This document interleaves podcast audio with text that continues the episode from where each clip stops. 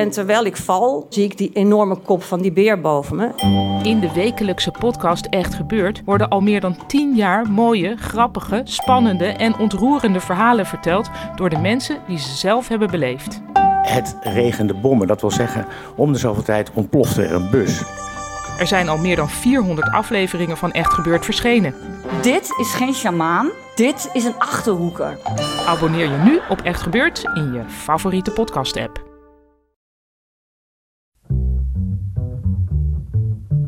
Welkom bij de podcast naar aanleiding van de Jan Hanlo Essayprijs 2021. Vernoemd naar de dichter en schrijver die de taal inzette om voorbij de grenzen van taboe of de gemeenplaats te kijken.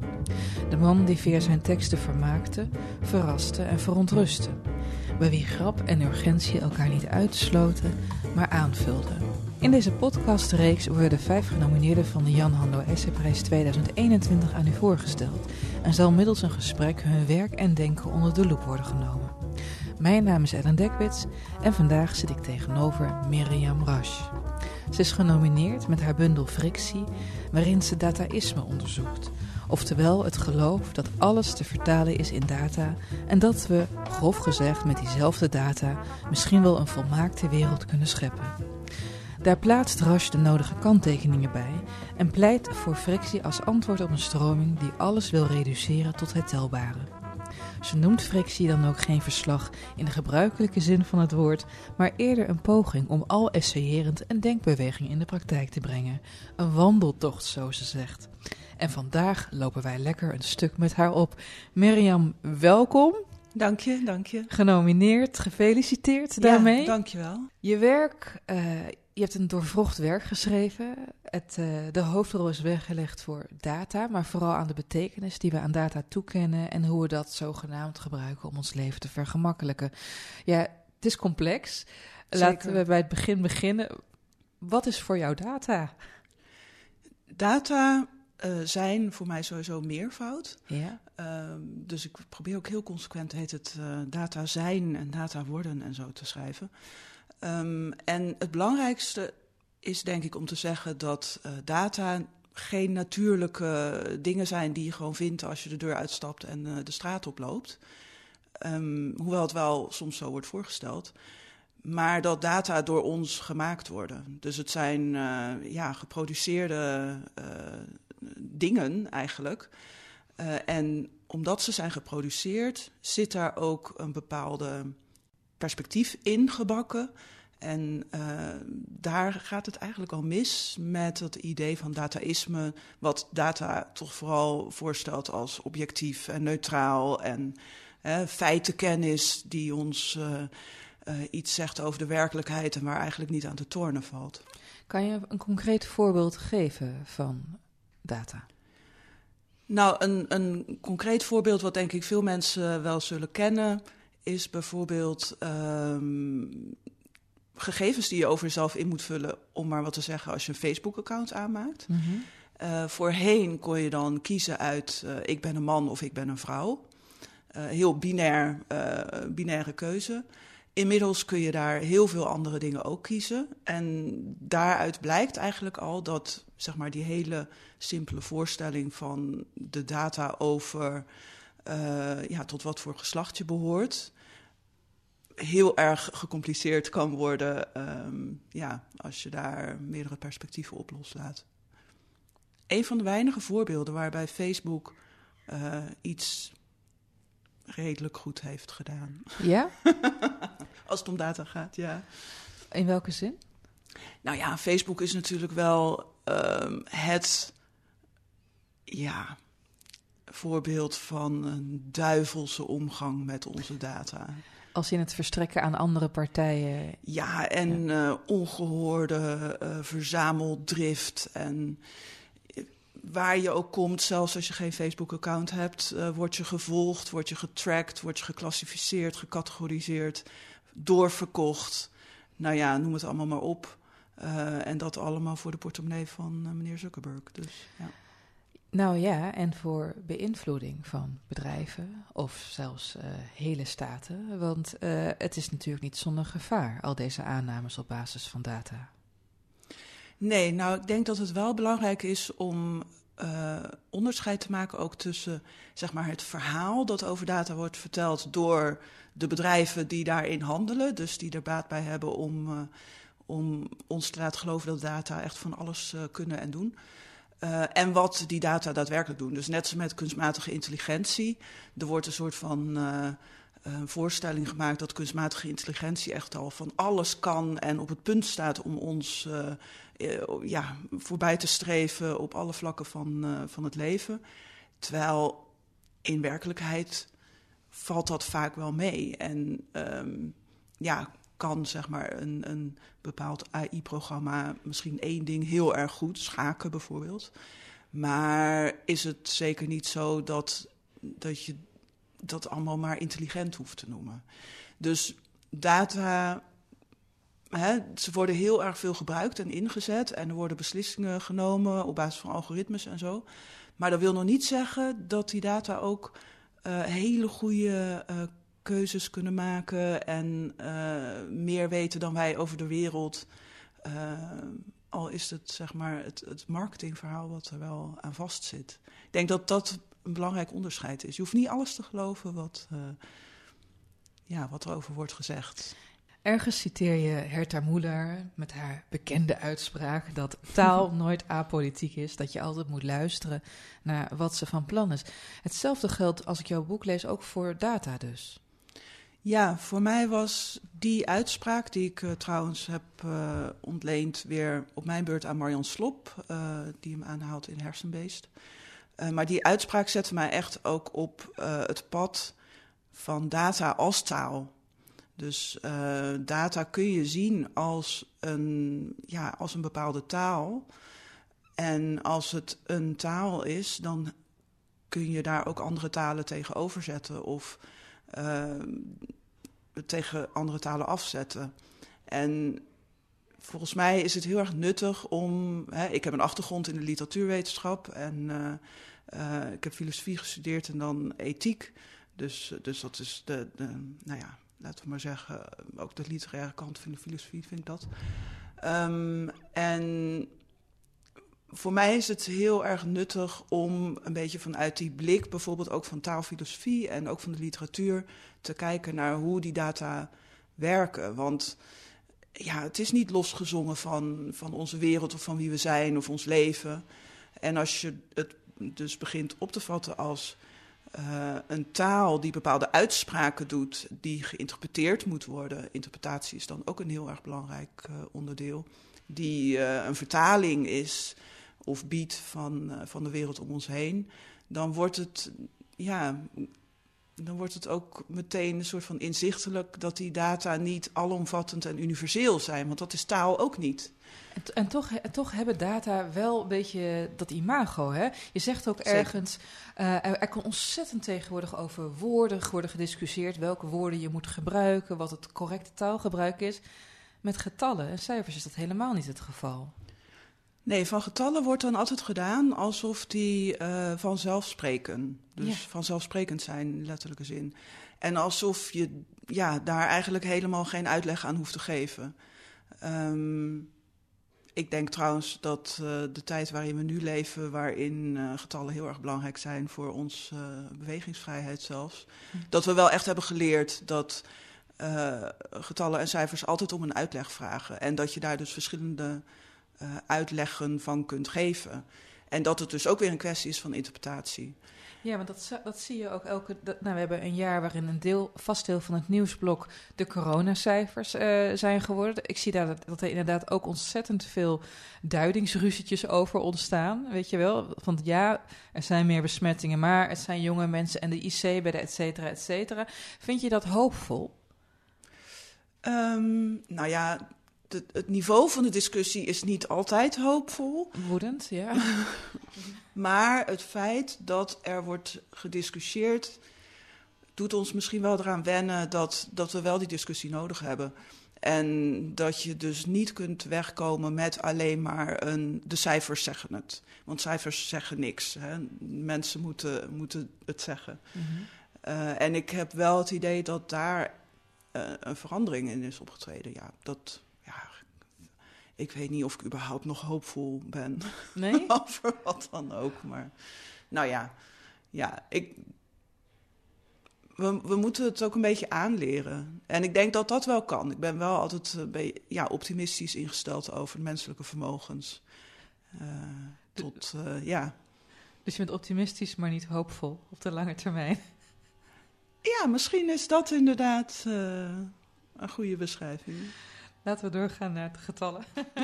Want die zitten alweer in het spectrum, in, het, in het spectrum van de taal.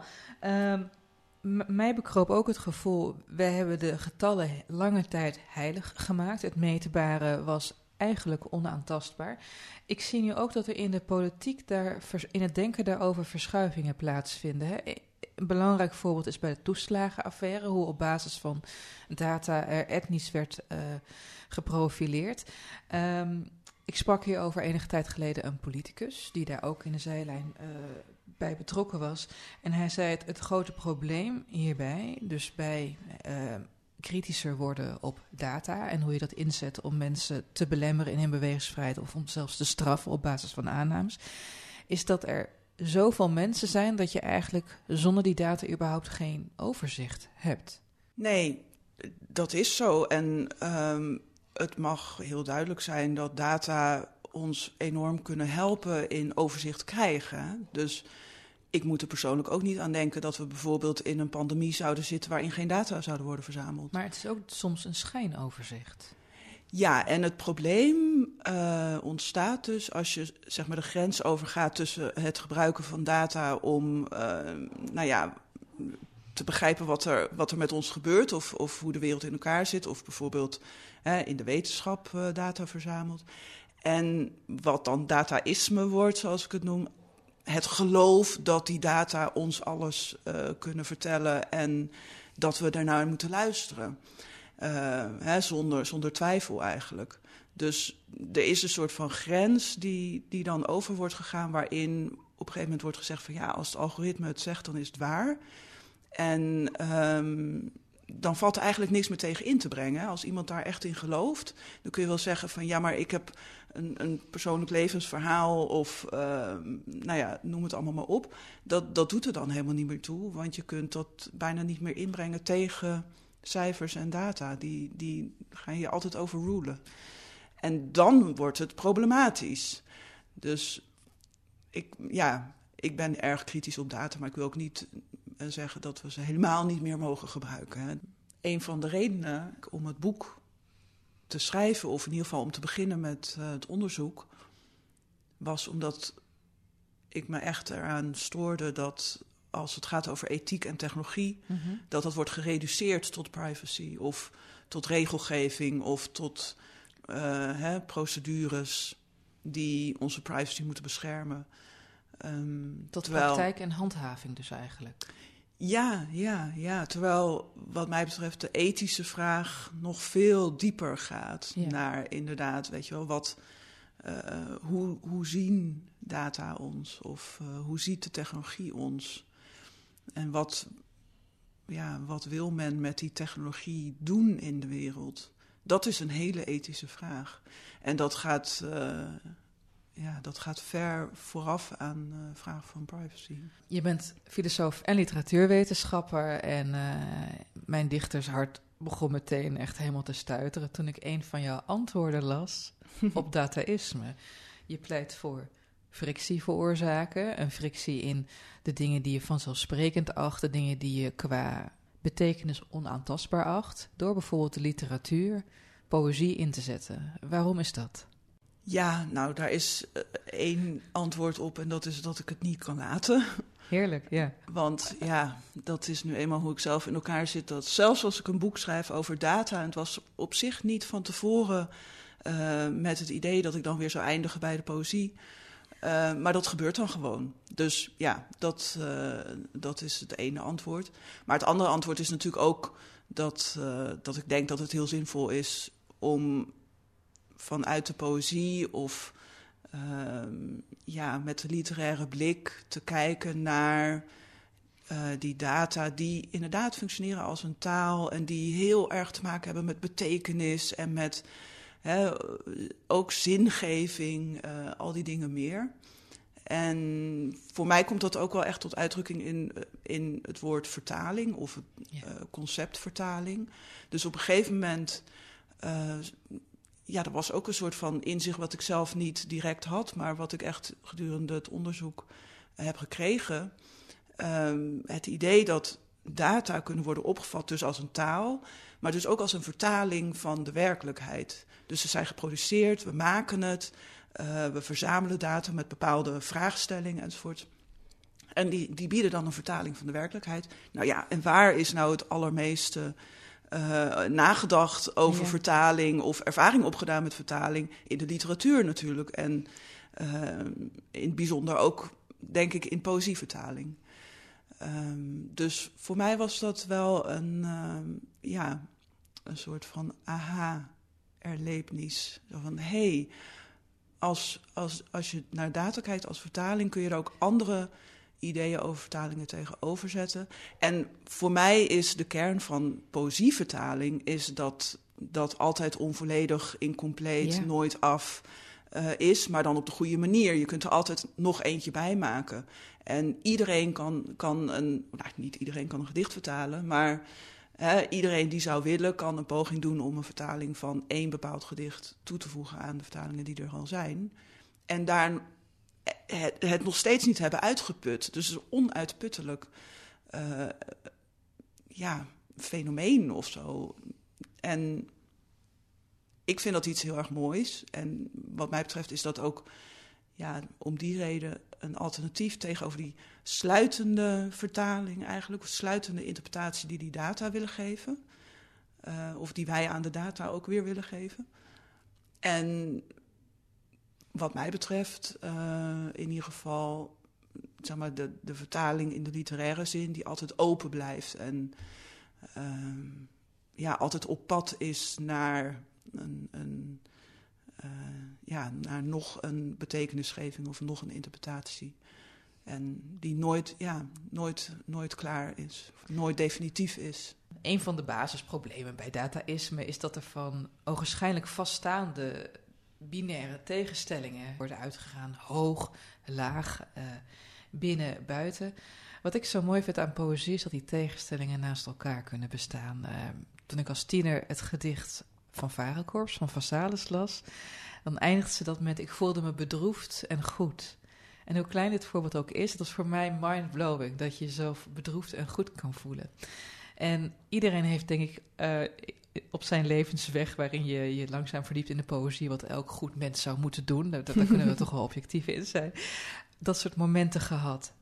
Uh, je, je boek is deels een pleidooi voor poëzie. Bij wat soort momenten van poëzie had jij dat soort momenten van frictie? Dat je dacht van, oh ja. Ik zou trouwens willen zeggen dat, uh, dat dit een ervaring is die volgens mij voor iedereen herkenbaar is, die ook geen poëzie bestudeert. Hè? Want, ja, uh, ja absoluut. Um, ik zeg ook altijd maar bijvoorbeeld, kijk maar naar je, uh, je relatie met je ouders. Is voor volgens mij vrijwel niemand alleen maar halleluja of alleen maar... ja, dank je. Hè, daarin kun je, kun je al ervaren dat dingen tegelijkertijd kunnen bestaan in hun veelvoudigheid. En niet alleen maar twee dingen, maar drie, vier, vijf, zes, zeven. Um, maar ja, je vroeg natuurlijk bij welke poëzie ik dat heb ervaren. Je vader vertaalde Szymborska naar het Nederlands. Heb je dat ook met de paplepel dan ingegoten? Is dat het soort poëzie waar we dan aan moeten denken bij jou? Nou, Szymborska is natuurlijk een fantastische dichter. Dat, uh, daar zal iedereen het uh, met me eens zijn. Maar een, een, een merkwaardige persoonlijke fascinatie... waarvan ik niet precies weet waar die vandaan komt... is voor mij de Chinese poëzie. Oh, ja. Oh, nou, maar ja, je, kan je dus geen antwoord op geven... want je weet niet waar die vandaan komt. Nee, nou ja... Nee, dat raakt mij om de een of andere reden. En dan moet je dan bij toeval natuurlijk achterkomen. Dus dat komt omdat ik een keer op Poetry International in, in zo'n dichtersmarathon of zo uh, zat. En, en dat het me opviel dat die Chinezen, ja, ja, daar sloeg ik gewoon helemaal op aan. En dat heeft wel iets te maken met uh, de eenvoud van de taal of zo, die er vaak uh, gehanteerd wordt.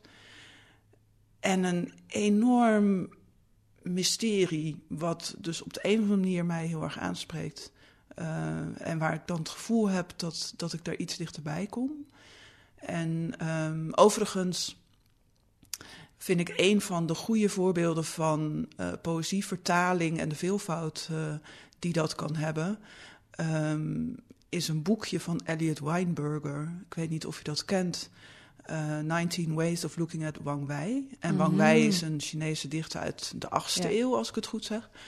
En hij verzamelt in dat boekje, nou ja, dus tientallen, want het zijn nog meer dan 19, vertalingen van zo'n vierregelig. Maar, wat is data? Ja. Wat zijn getallen? Nou, ja, ja, ja, Nee, maar er kan er dus altijd meer bij, inderdaad. Dat, dat blijkt echt uit Ook gevaarlijk. Ja. ja. maar hij verzamelt meer dan ja. 19 manieren om naar... ja, nou bestaande vertalingen, en ook van hemzelf natuurlijk... Van zo'n vierregelig uh, gedicht uit de 8e eeuw van een Chinese dichter... wat gaat over licht... Uh, een lichtstraal die het bos uh, binnenvalt vanaf een berg of zoiets dergelijks ja, ik kan dat nu natuurlijk niet uh, uit mijn hoofd opzeggen. Dat, dat is toch wel jammer. Had ik eigenlijk uit mijn hoofd moeten leren. maar ja, dat is zo'n eenvoudig beeld eigenlijk. Uh, wat dus, waar zoveel complexiteit in zit. Dus ja, dat is iets, iets uh, ja, fascinerends. En, en ook wel echt iets waar je dan gelukkig van wordt of zo, toch?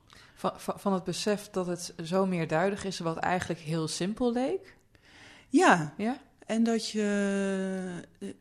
Nou ja, voor mij gaat het ook altijd wel om het leven begrijpen of zo. Dus. Uh, blijkbaar raakt het ook aan ervaringen die ik dan zelf kan hebben. Als ik, uh, als ik gewoon ergens ben en, en het, opeens het leven zo een compleet mysterie lijkt. Mhm. Mm -hmm. Ja, dat is, dat is een beetje een soort de ervaring die je dan ook weer in de poëzie kan terugvinden. In, uh, in een interview zeg jij ergens dat je het idee hebt soms als kind dat je de handleiding van het leven hebt gemist, of de briefing daarvan. Oh, heb ik dat ja, gezegd? Ja. ja, is wel waar, ja. ja, nou ja, als iemand hem heeft, dan hou ik me aanbevolen, inderdaad. Ja, stuur hem naar de, de Groene Amsterdammer, info uit de Groene Amsterdammer.nl. Mirjam, ik, moet, ik moest tijdens het lezen ook af en toe denken aan jouw uh, initiaalgenoot, uh, Mark Rutte. Uh, je hebt het op een Ik heb nog nooit bedacht dat Mark Rutte mijn initiaalgenoot is. Wat verschrikkelijk. Arme jij, arme jij. Um, we zullen er hopelijk, maar hopelijk heb je, ben je ook een geheugengenoot, dan kan je je dit later niet meer herinneren. ik moest af en toe moest ik echt aan hem denken. Je hebt het op een gegeven moment in je boek ook over de zogenaamde normoot. Iemand die weet wat in de samenleving normaal is. En die, uh, die weigert zo hardnekkig om een probleem te zijn... dat dat juist weer problematisch wordt. En niemand kan hem iets verwijten, want hij houdt zich aan de regels. En tegelijkertijd is dat levensgevaarlijk. En uh, we hadden het eerder al over die toeslagenaffaire. En mm -hmm. ik wil nog heel veel met jou inzoomen op Mark Rutte en dataïsme. En bij die toeslagenaffaire, tijdens de RTL 4-debat, werd hij tegenover een toeslagenouder gezet. Ik weet niet of je dat hebt meegekregen. Mm -hmm. Toen stond hij even met zijn uh, mond vol tanden. En die toeslagenouder die vroeg hem van waarom ben je gewoon niet opgestapt? Want je hebt jezelf nu opnieuw verkiesbaar gesteld. Je hebt behoorlijk wat schade aangericht.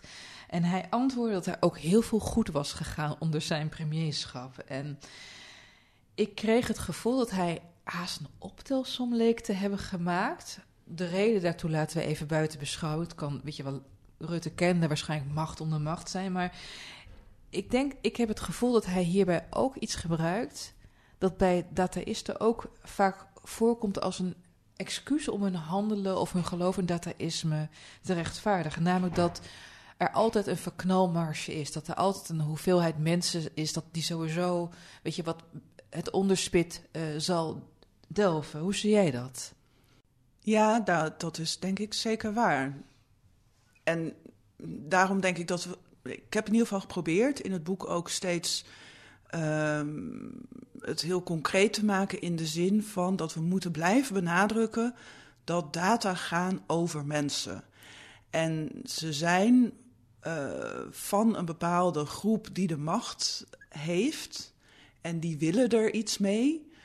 En dat zie je natuurlijk heel duidelijk bij zo'n algoritme in de toeslagenaffaire. Weet je wel, dat, dat wordt ingezet om iets te bereiken. Maar het gaat over mensen. En dat, dat is iets wat, wat in zo'n schandaal en weet je wel, dan gaan alle debatten gaan, gaan op een gegeven moment bijna niet meer over, over de mensen die het leidend voorwerp zijn van zo'n algoritme. Dus het is heel goed dat die ook steeds weer uh, naar voren uh, traden. Mhm. En um, ik denk dat, weet je wel, dat is ook als we het hebben over data die lijken zo soort van even meer en ze, alsof die soort van zweven. Ook als je data opzoekt uh, op Google Images of zo, dan zie je altijd het, die blauwe zee van nullen en enen en zo. Dus dat is een beetje het beeld. Oh, wat sneaky. Want blauw is best wel een onschuldige kleur. Het is niet Objectief, groen. Objectiviteit. Oh, is dat zo? Ja, staat ja. dat? Ja, ja, ja. Blauw ook de kleur van de VVD is. Maar hè, dat beeld van, oh ja, data zijn een soort van losgezongen van de werkelijkheid, dat is echt iets wat volgens mij voortdurend moeten corrigeren. Nee, het gaat over mensen en ze worden ingezet als machtsmiddel. En dat is, ja, dat is gewoon vrijwel altijd zo. En er zijn dan hier en daar, weet je wel, in de marge wat projecten van da eh, citizen data en zo. Het zal wel, maar over het algemeen eh, zijn data een machtsinstrument wat, wat over ja, mensen eh, macht uitoefent. En meestal niet op de goede manier, zou ik maar zeggen. Het gaat erom eh, om de fraudeurs, zogenaamde fraudeurs, op te pakken, om criminelen op te pakken voordat ze eh, hun misdrijf hebben kunnen plegen. Eh, nou ja, ga zo maar door. En ja, dat is iets wat, wat denk ik belangrijk is, ja, om, om dat lichamelijke, menselijke aspect ook van lijden, wat ermee gepaard gaat, steeds te benadrukken. Frictie kan ontstaan door bijvoorbeeld poëzie. En toen ik je boek las, moest ik spontaan denken aan een gedicht van Wisława Szymborska, overigens vertaald door jouw vader. Het is een kort gedicht en het heet De drie wonderlijkste woorden. Wanneer ik het woord toekomst uitspreek, vertrekt de eerste lettergreep al naar het verleden. Wanneer ik het woord stilte uitspreek, vernietig ik haar. Wanneer ik het woord niets uitspreek, schep ik iets dat in geen enkel niet bestaan past. Is dit genoeg frictie voor jou? Ik weet niet of je eraan moest denken toen het ging over Simone de Beauvoir, maar daar moet ik nu zelf heel erg aan denken. Vertel. Ehm, ik gebruik Simone de Beauvoir eigenlijk als mijn ethisch eh, raamwerk.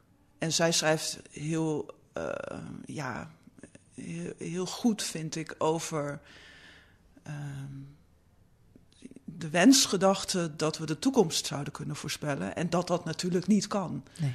Dus eh, als je iets probeert te zeggen over de toekomst, dan leg je hem vast. En, en, en dat, ja, die, de, de toekomst bestaat niet. Dat is in feite eh, de conclusie waar zij op uitkomt. En wat dataïsten natuurlijk heel graag willen, is de toekomst voorspellen.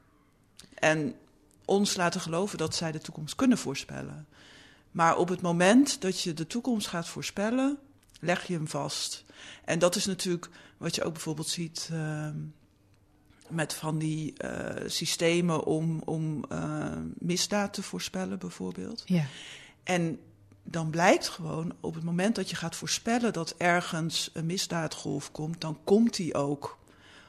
Maar niet omdat je het goed hebt voorspeld, maar omdat je daar meer agenten naartoe stuurt die vervolgens meer misdrijven zien gebeuren dan wanneer ze daar niet waren geweest. Dus ja, dat is een beetje wat ik hier hoor als het gaat over de, de toekomst die zodra je hem benoemt eigenlijk verdwijnt. En ja, maak ik het toch wel weer heel theoretisch. hè. Maar dat mag, dat mag. een, een, een woord, je haalt ook Maurice Blanchot aan, een woord vernietigt eigenlijk hetgene waarnaar het verwijst. Niet Ja. alleen omdat het woord iets anders is dan dat, maar ook omdat het woord zelf fysiek moet bestaan. Eh, maar dat is inderdaad mooi van, want de Beauvoir schrijft ook, dat haal je ook aan in het boek, is dat ethiek is eigenlijk aangehouden onzekerheid. Ja, En daar moeten we dus eigenlijk mee om leren gaan. ja, ja, dat is in de kern frictie. Ja, Eh, om leren gaan met die onzekerheid. zonder haar te willen bedwingen. Ja, Ja, en wat data nou precies doen, of waar ze juist voor worden ingezet, is om onzekerheid te bedwingen. En om bijvoorbeeld te zeggen, hè, uh, er is een kans van 85% dat, dat jij hebt gefraudeerd. Dus uh, we gaan jou aanpakken, want dat is voldoende. Dan, dan, dan is de zekerheid is dus, uh, of de kleine mate van onzekerheid die er nog was, wordt omgezet tot zekerheid. En ja, dan gebeuren er gewoon tragedies. Uh, dus we moeten leren om te gaan met het feit dat er altijd onzekerheid zal zijn. En volgens mij kunnen we dat het beste leren als we daar een soort van mooie, uh, rijke uh, ja, blik op kunnen werpen. Dus we moeten het zien als iets, iets wat ons rijkdom geeft en niet iets wat ons uh, iets afneemt. Of in gevaar brengt. Of in gevaar brengt. Ja, maar ja, leven is gevaarlijk. Dus, Totaal. Ja. En je gaat er schijnbaar ook dood aan. Het schijnt zo te zijn, ja. Maar ja, niet bewezen ja, in dat is ons het geval.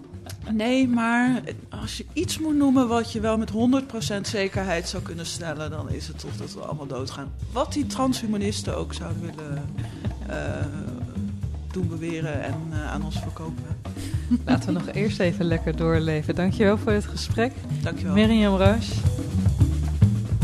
Nou, en ben je nieuwsgierig geworden naar alle gesprekken met de genomineerden voor de Jan Hanlo Essieprijs? Ga dan naar groene.nl slash Jan Hanlo podcast. Deze podcast werd mede mogelijk gemaakt door Stichting Lira, de Groene Amsterdammer en de Stichting Literaire Activiteiten Amsterdam. De regie en montage waren in handen van Giselle Mijnlief mijn naam is Ellen Dekwits. Dank voor het luisteren en schakel op 20 mei in voor de prijsuitreiking.